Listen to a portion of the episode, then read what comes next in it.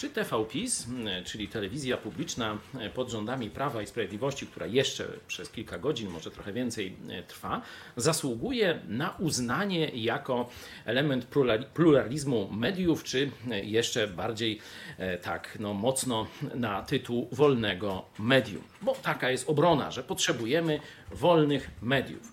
Chcę jasno przypomnieć, że choć misją telewizji publicznej jest przedstawianie w sposób w miarę obiektywny, naturalny wszystkich relacji i wszystkich opcji, które się pojawiają w państwie polskim, to TVPiS było telewizją, jak sama nazwa wskazuje, partyjną. Do tego prześladowała mniejszości, także mniejszość protestancką, nas nazwała tajemniczą sektą. Absolutnie nie ma to związku z żadną wolnością. Jezus nakazał, że mamy sądzić sprawiedliwie, a nie z pozoru.